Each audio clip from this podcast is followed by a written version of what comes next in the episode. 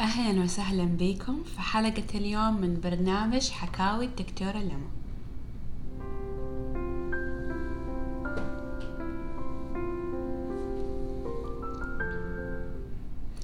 اليوم حنتكلم عن آلام الجماع أو آلام العلاقة الزوجية.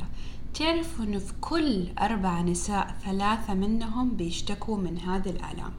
عند البعض ممكن تكون آلام مؤقتة يعني مرة مرتين جاتها ما هي مستمرة لكن عند البعض ممكن تكون حاجة مزمنة وتؤدي إلى مشاكل في زواجها أو بينه وبين زوجها وحتى لدرجة الانفصال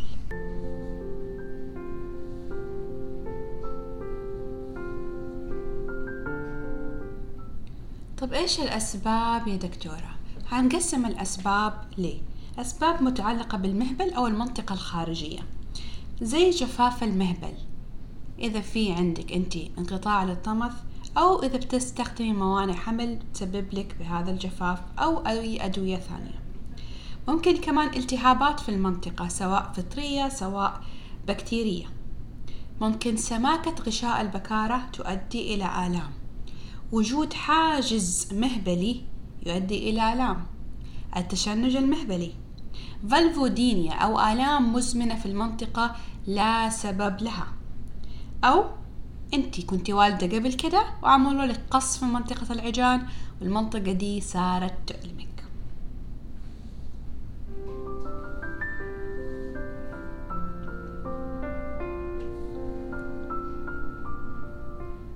نجي الأسباب المتعلقة بعنق الرحم. لا تنسوا إنه أي شيء يلمس عنق الرحم حيسبب آلام. بمعنى إذا أنت عندك آلام في الجماع وقت العلاقة الزوجية في وضعيات معينة بس ممكن تكون بسبب لمس العضو الذكري لعنق الرحم. الأسباب الأخرى ممكن يكون في التهاب في عنق الرحم ممكن يكون عندك أورام ليفية في عنق الرحم مسببت لك بهذه الآلام.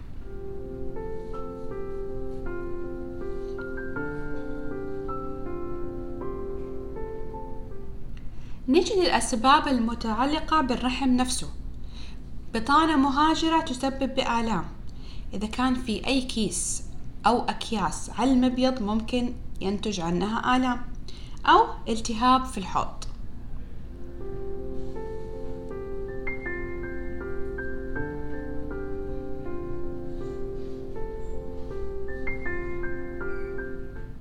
طب يا دكتورة متى أروح عند الدكتورة؟ على طول. أبدا لا تأخري ذهابك للطبيب. كل ما تأخرتي عن تشخيص مشكلة معينة ممكن ينتج عن ذلك صعوبة في العلاج أو تعقيد العلاج أكثر. الأشياء اللي نحتاج نعمل لك هي في العيادة عشان نشخص سبب الآلام هذه أول شيء هناخذ منك تاريخ طبي كامل. الشيء الثاني حعمل لك فحص مهبلي في العيادة. ممكن كمان نحتاج نعمل سونار أو أشعة أو نحتاج نعمل منظار كعملية استكشافية في حالات معينة فقط.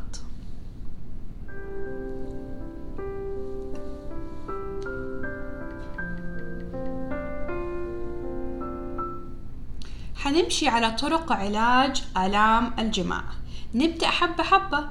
إذا في جفاف حنعالج الجفاف سواء بمزلقات ودائما أنصح أن المزلق يكون مائي وما ينشف بسرعة. إذا تستخدمي موانع حمل مسببت لك هذا الجفاف ممكن تغيري نوع المانع. إذا عندك التهاب نعالجه على حسب هو فطري أو بكتيري. إذا عندك سماكة في غشاء البكارة ممكن نفتح لك هو في العيادة تحت تخدير موضعي. إذا في حاجز مهبلي نحتاج نشيله في العمليات. تشنج مهبلي نحتاج. استشارة نفسية ممرنات مهبلية وبوتوكس لعلاج التشنج المهبلي. إذا عندك آلام مزمنة اللي هي vulvodynia غير معلوم سببها ممكن نعطيك أدوية لمعالجة هذه الآلام تقلل من هذه الآلام المزمنة. ممكن نحقن لك كورتيزون في المنطقة تقلل من هذه الآلام أو حقن بلازما. إذا أنت الألم عندك فقط في وضعيات معينة بسبب لمس عنق الرحم بنقول لك غيري هذه الوضعية. إذا عندك التهاب في عنق الرحم بنعالج الالتهاب على حسب لونه. نوعه. إذا عندك أورام ليفية بنشيل لك الورم الليفي. إذا في بطانة مهاجرة بنعطيك علاج للبطانة المهاجرة.